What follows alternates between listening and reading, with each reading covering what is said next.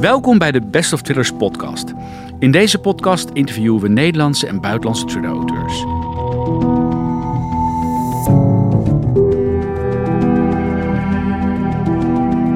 In deze 18e aflevering spreken we met Floris Kleine. Hij ontving in 2021 de schaduwprijs voor zijn debuut Klaverblad, voor het beste thrillerdebuut van dat jaar. Deze maand verschijnt zijn tweede thriller, Kleinste Kwaad. Floris, welkom terug in deze podcast. Ja, leuk om er te zijn. Je was hier eerder voor Klaverblad en nu gaan we het hebben over Kleinste Kwaad. Yes. Detective Roeland Onderwater en Zora Thijssen, die de lezers zouden kunnen kennen uit je debuut, hebben bij aanvang van Kleinste Kwaad twee jaar een liefdesrelatie. Zou je die relatie eens willen omschrijven? Ja, het is een beetje een, een moeizaam stel. Ze zijn ontzettend leuk samen aan de ene kant. Maar ze hebben allebei wel hun, hun, hun achtergrond, hun bagage mee. En strikt genomen hebben ze daar wel steeds wel een beetje last van. Niet alleen de bagage van het vorige boek, want daar gaat het niet alleen over. Maar Zora heeft haar verleden, wat in het eerste boek behoorlijk is uitge, uitgediept. En Roeland heeft ook zijn trauma's. En dus uh, ze schieten nog wel een beetje heen en weer van... oh, wat is het fijn samen, naar uh, wat doe je nou weer en ik vertrouw je niet meer. En nu hebben we ruzie. Dat is een beetje, het is een beetje een, uh, een volatiele relatie tussen die twee. Ik snap het. Ja. Um, het verhaal begint met de ontvoering van vijf kinderen. Ja. De politie start een onderzoek. Elk ouderpaar schakelt daarnaast een detective in. Een van de stellen neemt Roeland in dienst, een ander stel Sora. Hoe is Sora in het vak beland? Ja, dit is een beetje een ongelukje eigenlijk. Dat in het vak belanden begint nu. Uh, want eigenlijk is er vooral al twee jaar aan het worstelen. Ik bedoel, Klaverblad eindigt ermee dat het wel allemaal... Nou, ik mag niet zeggen hoe het eindigt voor de mensen die het niet gelezen hebben. Maar in ieder geval... Uh, de, de nasleep van wat er in Klaverblad gebeurt, is dat, ze, is dat ze eigenlijk haar baan en haar carrière kwijt is. En enorm met haarzelf in de maag zit. En dus niet weet wat ze wil. En ze heeft een psycholoog en een coach. En, en, uh, en dan komt dit op haar pad, eigenlijk. En ze denkt eigenlijk dat ze het aan Roeland gaat geven, deze klus. Want het komt via een vriendin van haar die op de school werkt van de kinderen. Mm -hmm. Komt het op haar pad. Maar Roeland is dan al met een ander in zee. En ook nog een halve crimineel uit zijn eigen verleden. En daar is ze heel boos over eigenlijk. Want dat zou hij niet meer doen. Mm -hmm. Dus dan zegt ze, bekijk het maar. Dan pak ik het, uh, deze klus wel van die andere ouders op. Ja. Als Roeland het niet doet, omdat hij tegen onze afspraken en beloftes in met die uh, crimineel co in zee gaat. Ja, en in beide gevallen gaat het om een ouderpaar van een ontvoerd kind. Hè, bij diezelfde ontvoering. Ja, klopt. Ze hebben ja. allebei dus uh, via via komen ze allebei eigenlijk in, in aanraking met dezelfde ontvoering. Twee van de vijf kinderen, twee van de vijf ouderparen zijn dan, nemen hun, hun twee in, in, in, in de arm inderdaad. Ja, en moet ja. ik me dan voorstellen dat het werk van Roeland haar heeft geïnspireerd? Dit, zou ik, dit kan ik ook. Nou, het is een beetje geïnspireerd en een beetje ook andersom van uh, tussen Klaverblad en Kleinste Kwaad. Hebben ze gewoon af en toe samengewerkt, heeft uh, Roeland Zora erbij gevraagd af en toe een beetje te helpen. En via Zora ook de, de hacker Tilde die ze eer, eerder heeft bijgestaan en die eigenlijk alleen maar met Zora wil werken. Dus uh, opportunistisch heeft Roeland ook wel uh, met Zora samengewerkt in het verleden. Maar dat is puur incidenteel. Want tot op het uh, kleinste kwaadboek is het bij Zora niet opgekomen dat dat iets zou zijn wat ze zou willen doen. Behalve dat ze wel heeft gemerkt dat ze er heel handig in ja, is. Ja, precies. Hè? Ze ja. heeft niet overwogen het zelfstandig te gaan doen. Nee. Maar ze heeft wel gezien, nou, ik kijk om me heen. Ik kan iets kennelijk relevants toevoegen. Ja. Um, dus waarom niet dit keer? Ja, en ze heeft de goede combinatie van slimheid en, en, en, en verbeterheid. Ja. Dus het is, het is niet, niet iemand die iets loslaat of iets opgeeft als het niet gaat. Het is meer van de vlucht voorwaarts. Van als, ik niet, als het niet lukt, verdubbel ik mijn inspanning. Als ja. ik ergens op vastloop, dan ga ik duwen tot het loslaat. Het is een enorme door, doordouwer, doorzetter. Ja. Ja. ja. Hey, en um, uh, wat houdt die rol van detective uh, functionerend naast de reguliere politie precies in? Ook meer in het bijzonder in jouw verhaal. Uh, nou, dus voor, voor Zora en Roeland zijn het twee verschillende dingen. Want uh, Roeland is ingehuurd door Co. Co is zijn maatje uit het verleden. Co is, een, is, een, is gewoon een is penose, mm -hmm. feitelijk. En uh, die huurt Roeland in omdat hij gewoon de politie niet vertrouwt. En de politie vertrouwt hem ook niet. Wat voor de politie ook ingewikkeld is. Want het is een vader van een ontvoerd kind. Maar het is ook de crimineel die ze eigenlijk in de kraag willen vatten. Dus het is een wederzijds wantrouwen. Dus Co heeft Roeland erbij gevraagd van ik ken jou en ik vertrouw jou. Dus ga jij maar namens mij eh, echt eh, op onderzoek uit en parallel aan en ook een beetje stiekem illegaal. eh, want de politie vindt het eigenlijk helemaal niet leuk. Eh, dus mij, ook zelf maar op onderzoek uit en zelf probe- proberen achter, achterhalen wat er gebeurt. En in Ja. de gaten houden wat er met het losgeld gebeurt. En kijken wat hij zelf in zijn eigen netwerk kan achterhalen. Dus dat is echt een pure eh, parallele detectievenrol. Van help, help mij mijn meisje terug te krijgen. Dat is eigenlijk de, de vraag die Ko stelt. Ja, En eh, Zora raakt vooral betrokken als die ouders willen gewoon hulp hebben en bijstand in de, in de, in de relatie met de politie. Van help ons met de communicatie, help ons duiden wat er eigenlijk gebeurt. En vertegenwoordig ons, want wij liggen te veel in de kreukels door het verlies van onze dochter om zelf heel goed eh, in die Ja. zaak te zitten. Ja, ja. Ja. dus die rol, de vraag van de ouders aan de detective in kwestie is anders. Ja. Ook de andere ouders hebben een detective. Er is op een gegeven moment een bijeenkomst. Ja, nee, de anders hebben vooral, vooral advocaten in de arm genomen. Ah, die ja. denken van, eh, we, we laten het aan de politie over. Ja. Maar we willen wel eh, maar juridisch vertegenwoordigd zijn. Ah, oké. En, kwe- en, en uh, alleen bij deze twee ouderparen Ja. gaat het dan echt om iemand die ook daadwerkelijk onderzoek doet, Ja. actie onderneemt Ja, in de kwestie. Ja, precies. Net als in Klaverblad spelen in Kleinste Kwaad duistere financiële praktijken een grote rol. De uitbetaling van het losgeld moet plaatsvinden in een uiterst geraffineerde operatie met hoofdrollen voor cryptomunten, wallets, blockchains, stablecoins en drones in een poging geen sporen na te laten. Waar komt die fascinatie voor die duistere financiële praktijken bij jou vandaan? Eh, nou, het is een beetje misleidend in de zin dat, ik, dat het eh, voor mij niet de kern is van het verhaal. Is het niet? Nee Aan- hoor, nee, zou ik niet willen beweren. Aan de andere kant, ik heb ook in de financiële wereld gewerkt. En ik, ik- als je van binnenuit daarnaar kijkt, Mhm. is het ook wel een beetje een wonderlijke eh, eh, kijk op de wereld vanuit, vanuit, financiële, vanuit de financiële blik. Ja. Er is, er is een hele grote dissonantie en kloof tussen de werkelijke wereld en de, en de financiële wereld. En de dingen die je kan met geld en de dingen die je kan met bitcoin zijn eh, fascinerend en heel, kunnen heel lucratief zijn. Mhm. Maar zijn redelijk losgezongen van eh, jij en ik en de lunch en de boodschappen en de vakantie naar Tenerife, zeg maar. Het heeft een hoge abstractie Een gehad. hoog abstractiegehalte. En zeker als je in die bitcoins duikt, wat is een puur verzonnen, digitaal, technisch eh, betaalmiddel is. Wat nog minder met de werkelijkheid te maken heeft. Het is heel raar dat dat bestaat. Ja. En daarbij moet ik wel aantekenen dat de fascinatie eigenlijk kwam naar, na de vraag... eh, hoe gaan we zulke grote losgelden betalen dat ze ook nog draagbaar zijn? Ja. En toen, Ja. toen was het heel gauw van ja, we- een zak met geld, dat gaan we niet meer doen. Dat is allemaal sjouwen. Krijg die maar eens van de grond met Ah. een drone.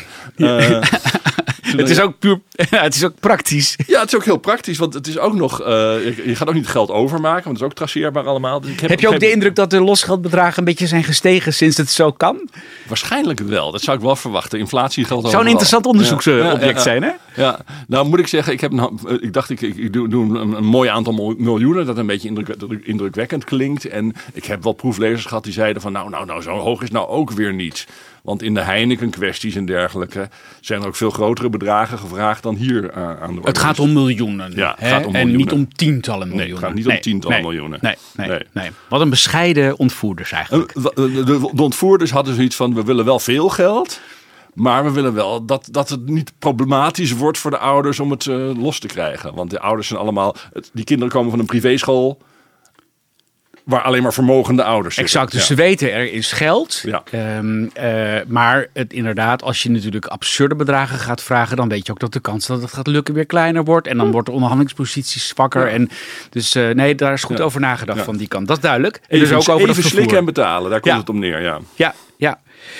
De kinderen die ontvoerd zijn, je zei het al even, zitten bij elkaar op een, eh, op een basisschool. Mhm.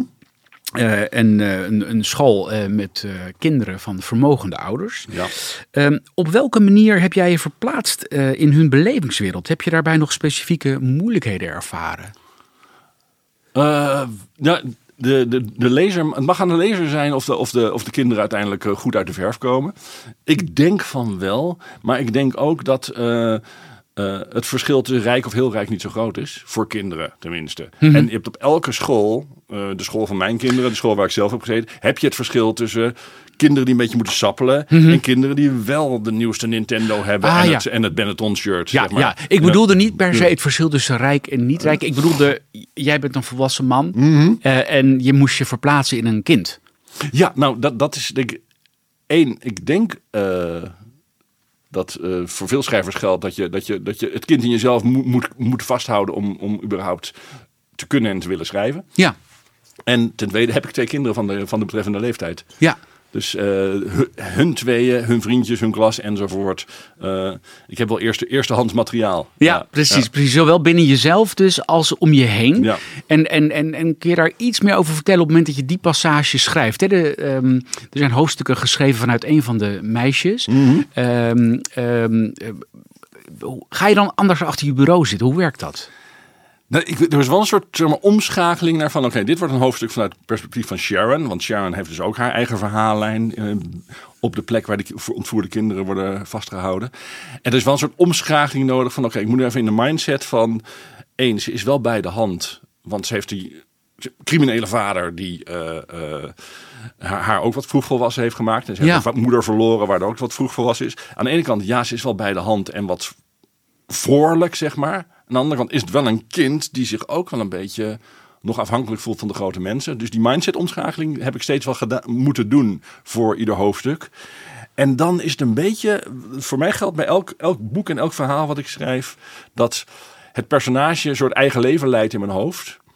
Dus als ik op een gegeven moment daarin ben geraakt door, eer- door, door, door het eerdere werk wat ik heb gedaan, Ja. dan kan ik die persoon wel terugvinden, zeg maar. En dan kan ik wel een beetje gaan modelleren en luisteren in mijn kop van oké, dit is Sharon, dus nu ga ik Sharon-achtige dingen laten gebeuren en ook Sharon-achtige relaties eh, en reacties en Sharon-achtige acties en gevoelens en keuzes oproepen. Want ik heb die Sharon gewoon in mijn hoofd. Ja, eh, ze heeft een plekje in je hersenen. ja, Ja, ja, daar kun je op terugvallen. Ja. Ja. Vrijwel alle hoofdstukken zijn genoemd naar de perspectieven van personages. Hè? Sora, Roland, Sharon en Jeroen. Ja. Eh, Jeroen is de leider van het politieteam. Ja. Eh, alle hoofdstukken zijn geschreven vanuit de derde persoon, behalve de hoofdstukken over Sora. ja. Daar is er sprake van een ik-verteller. Mhm. Waar is die keuze op gebaseerd? Waarom is Sora ik? Eh, dat is eigenlijk ontstaan bij het vorige boek, bij Klaverblad. Want daar hebben we het ook zo gedaan. Daar was het Zora en Roeland. En Zora was ik en Roeland was hij. Eh, en voor mij is Zora echt de hoofdpersoon van deze boeken. En eh, wat er in haar omgaat en hoe zij denkt over, reageert op, welke gevoelens zij heeft, is voor, voor, voor mij heel erg centraal voor wat er in deze boeken gebeurt. En eh, zij is een hele sterke drijvende kracht voor het verhaal. En eh, dus voor mij ook de belangrijkste hoofdpersoon Ja. naast Roeland.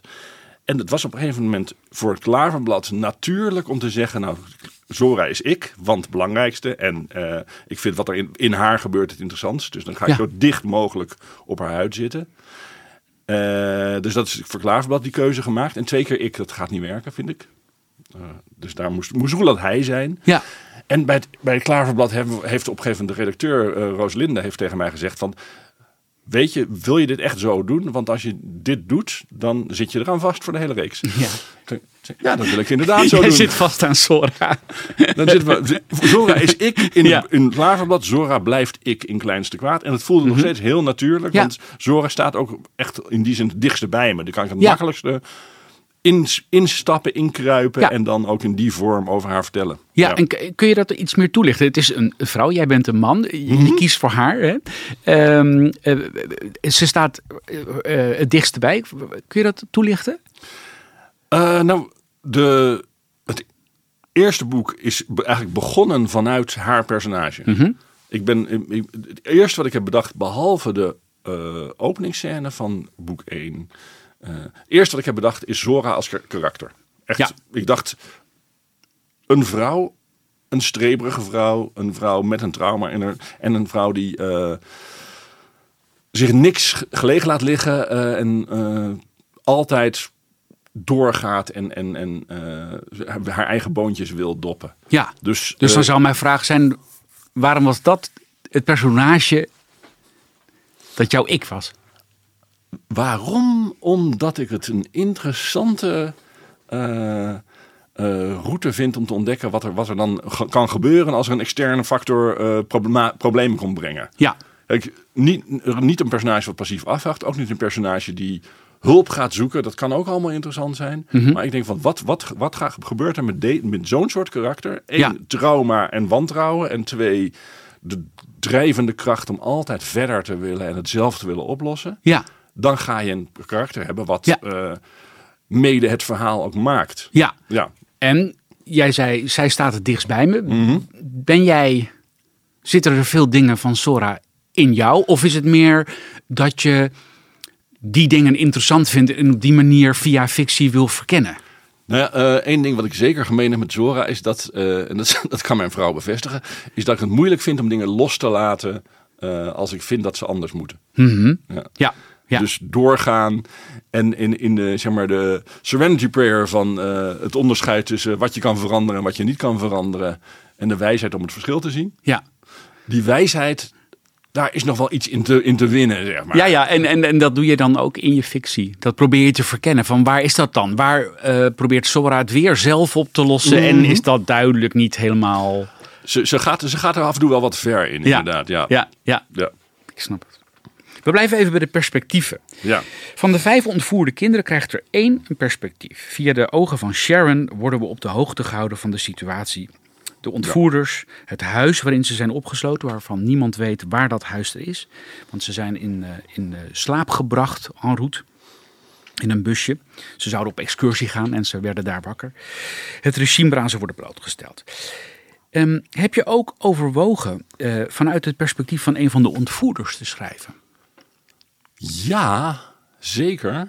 En, en uh, uh, ook wel stukjes geschreven vanuit het perspectief van de ontvoerders. Behalve dat de, de, de mastermind krijgt af en toe een intermezzo natuurlijk. Ja, uh, zeker. maar de ontvoerders daar in het huis, ik heb overwogen om dat te doen. Ik heb ook wel wat proefstukjes geschreven en gekeken hoe dat werkte. Mm -hmm. Maar um, wat mij betreft, voor de, voor, ik vind het perspectief van de kinderen belangrijker en interessanter. Want zij Ja. zijn de slachtoffers. En Sharon is iemand die ook nog probeert er zelf iets aan te doen en van te maken. Dus Ja. die, die vind ik eh, eh, interessanter. En gegeven dat perspectief van Sharon. eh, is het spannender ook in het verhaal als we eigenlijk niet weten Ja. wat, wat die, wat die, Ik denk dat wat dat een goede beslissing is hoor. Zeker. Ja. En, en eh, een hele praktische is ook, het is heel moeilijk om dat perspectief mee te nemen in het boek. Van, de, van, die, van, die, van die sinistere figuren die daar die kinderen zeg maar, eh, bewaken. Mhm. Zonder dingen weg te geven die ik niet wil weggeven. Ja. Dus, eh, Ja, want dan zou je kennis gaan delen over de achtergronden. Ja. En dan weet de lezer meer dan de eh, detectives en dergelijke. En dan wordt het toch, eh, toch, eh, toch lastig. Ja. Ja. Want ik vind het niet, ik vind het niet reëel om wel hun perspectief te gebruiken en toch dingen geheim te houden. Want dat voelt een beetje als vals spelen. Wat zij weten en als Ja. het dan in hun perspectief zit, dan, dan, dan weet de lezer het ook. Ja, ja. ja. Hey, het boek is opgebouwd uit vrij kleine hoofdstukken, steeds met wisselend perspectief. hè, En dat werkt enorm goed. Heb je het ook zo geschreven of heb je het per perspectief geschreven en daarna verweven? Ja, dat is altijd een beetje, hoe heb ik het gedaan? Dat is altijd een beetje een, eh, moeilijk te beantwoorden vraag. Want het proces is ook een beetje organisch. Ehm, deels is het gewoon in de volgorde geschreven zoals het in het boek staat. Deels. En deels is daar achteraf met, eh, met, met de redacteur ook nog echt aan gesleuteld aan de volgorde. En wat wanneer moest ge- gebeuren.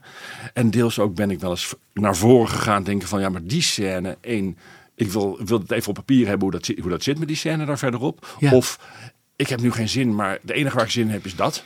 Dus ga ik dat er maar eerst doen. Ja. Of misschien weten hoe een bepaalde lijn verder moet. Ja. Dat dan gaan schrijven en dan Precies. later de draad weer oppakken met een ander. Ja. En af en toe af en toe terugkomen naar, oké, hier moest eigenlijk nog iets tussen. Dat is ook nog wel gebeurd. Mhm. En er is een, een vrij grote ingreep geweest. Want oorspronkelijk was het, al het materiaal ook nog in dagen ingedeeld. Dat zeg maar dag 1, 2, 3, 4, 5. En dan alle hoofdstukken van de verschillende perspectieven die op de eerste dag gebeuren. Ook gemarkeerd als dag 1. Dat was ook nog een structuur, dat werkte Ja. niet lekker. Ja. Dus er is wel wel een beetje Ja, aangesloten. dat kan natuurlijk ook overgestructureerd worden. Ja, die dagen ja. houden de lezers dan wel bij, maar die perspectieven, dat is natuurlijk on, ontkomen. Je moet even weten vanuit wie kijken we. Ja. Ja. De, de verlei- ik moet zeggen, de verleiding was groot om de namen weg te laten boven de hoofdstukken. Want ik denk, het blijkt gauw genoeg. En als George Martin ermee wegkomt, waarom niet? Uh, maar uh, ik, ben, ik heb me laten overtuigen door de redacteur dat we toch wel even moesten markeren van oké, wie, Ja. gaan, wie gaan we nu er even volgen? Ja. Ja. Maar Ja. om, om verder te gaan op je vraag, er is een belangrijk deel van eh Zora's zoektocht aan het begin, wat gewoon later is geschreven, omdat het eh, later bleek dat het nodig was.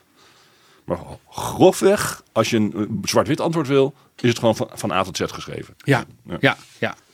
Een belangrijk element in het verhaal is de relatie tussen Roeland en Co, de vader van Sharon, een van de ontvoerde kinderen.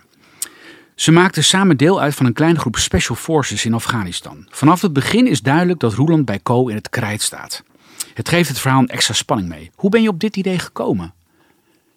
Ehm, een, eh, een soort combinatie weer van eh, eh, interesse. Want ik vind, ik vind dat soort werk heel interessant. En ik ken ook iemand in mijn directe omgeving. die ik niet bij name mag noemen. die dat werk heeft gedaan. En dat is wel een heel bijzonder soort kant aan wat Nederland allemaal doet in het, eh, in het buitenland. eh, met de Special Forces wereld. Dat is de ene kant. De andere kant is. eh, voor, mij, voor, voor, voor dit verhaal vereist had ik nodig dat en Co te hulp wordt geroepen door iemand. Iemand met een, dubieus verleden. En, want eh, wat dat aanricht tussen Zora en Roeland is ook fundamenteel voor het verhaal. En, eh, maar ja, want nog- zij, zij neemt ehm, het Roeland heel erg kwalijk. Hè? Want, want ze, hij is die wereld uit, die criminele Ja, wereld. dat had hij beloofd. Hè? En Dat dat is natuurlijk een, een, een, bodem onder hun relatie. Ja. En nou zondigt hij. En Ja. hij weet, maar hij, hij mag het niet zeggen. Hij, hij mag de waarheid niet zeggen. En dan zou hij haar kunnen uitleggen. Ja, dat, dat, dat is, Hè? ook, een beetje- is ook een beetje een lapswand hoor. Want eh, het is ook een beetje een smoesje. Denk ik. Want, want eh, hij mag het niet zeggen. Ja, dat is formeel waar. En, eh, eh, Maar ja, maar het is wel zijn motivatie om het wel om die Co wel te hulp te schieten. Want hij, hij heeft die schuld. Hij heeft die ereschuld. Ja. En, en, dus is het nou echt zo dat hij vindt dat hij het echt niet mag vertellen? Ja, dat is op papier waar. Maar er staat geen, en, er staat er geen veiligheidsdienst aan de deur te Nee. luisteren. En het is je geliefde, Het is je geliefde. is- dus ja. is en, maar het is ook een beetje, denk ik, dat, die- dat Roeland ook vindt. Zo, ah, maar ga ik nu echt dat commitment geven van mijn relatie gaat voor wat ik zelf vind dat ik moet doen. Ik bedoel, dat, dat is ook een beetje een spagaat waar hij in zit. Want hij heeft een soort commitment, want hij heeft al twee jaar een relatie met Zora. Maar hij heeft ook zijn eigen leven en zijn eigen historie, waarin hij nog steeds denkt van ik moet ook gewoon mijn eigen keuzes kunnen maken. Mhm, mhm. En is dat dan, wat weegt dan zwaarder? Dus is het nou echt formeel, ik mag niet vertellen waarom, waarom ik die ereschuld heb? Of is het nou vooral, wil ik het wel vertellen? Wil ik nou... Het is ook een vorm van commitment, van ik ga nu kiezen om alles open Ja. te gooien. Ja, En commitment vind- vinden zij allebei best wel spannend. lastig. Ja. Ja, ja, precies. Dus jij als schrijver interpreteert zijn gedrag niet alleen eh, als eh, ik doe dit eh, voor de veiligheid en omdat het een, gaat om een geheim. Mhm. Maar het gaat ook vooral om, ik hoef mij niet geheel te geven in de relatie. Ja, zeker wel. Mooi. Nou, ik ben benieuwd hoe de lezers dat gaan interpreteren. Ja. ja. Wat zijn jouw toekomstplannen voor Roeland en Zora? Eh, nou, boek 3 is, is in de maak. Tenminste, deels op mijn whiteboard en deels in mijn hoofd. En een heel klein beetje ook al eh, in, in tekstvorm. Boek 3 gaat, gaat verder met ze. Eh, en ik ga er zo min mogelijk over zeggen. Ja, Eh, maar het wordt wel duister. Het, het wordt, wordt duister en, en, en, en zorgwekkend. En meer kan ik er eigenlijk niet over zeggen. nou, dat klinkt dan vast heel erg goed. Ja. Floris, dankjewel voor dit gesprek over Kleinste Kwaad. Het ligt op 11 januari in de boekhandel. Ehm, daarvan houden we de luisteraars op de hoogte via Best of Twitters op Facebook of Instagram. Dankjewel. Graag gedaan. Bezoek voor meer informatie over Twitters de FB-pagina of de Instagram-pagina van Best of Twitters.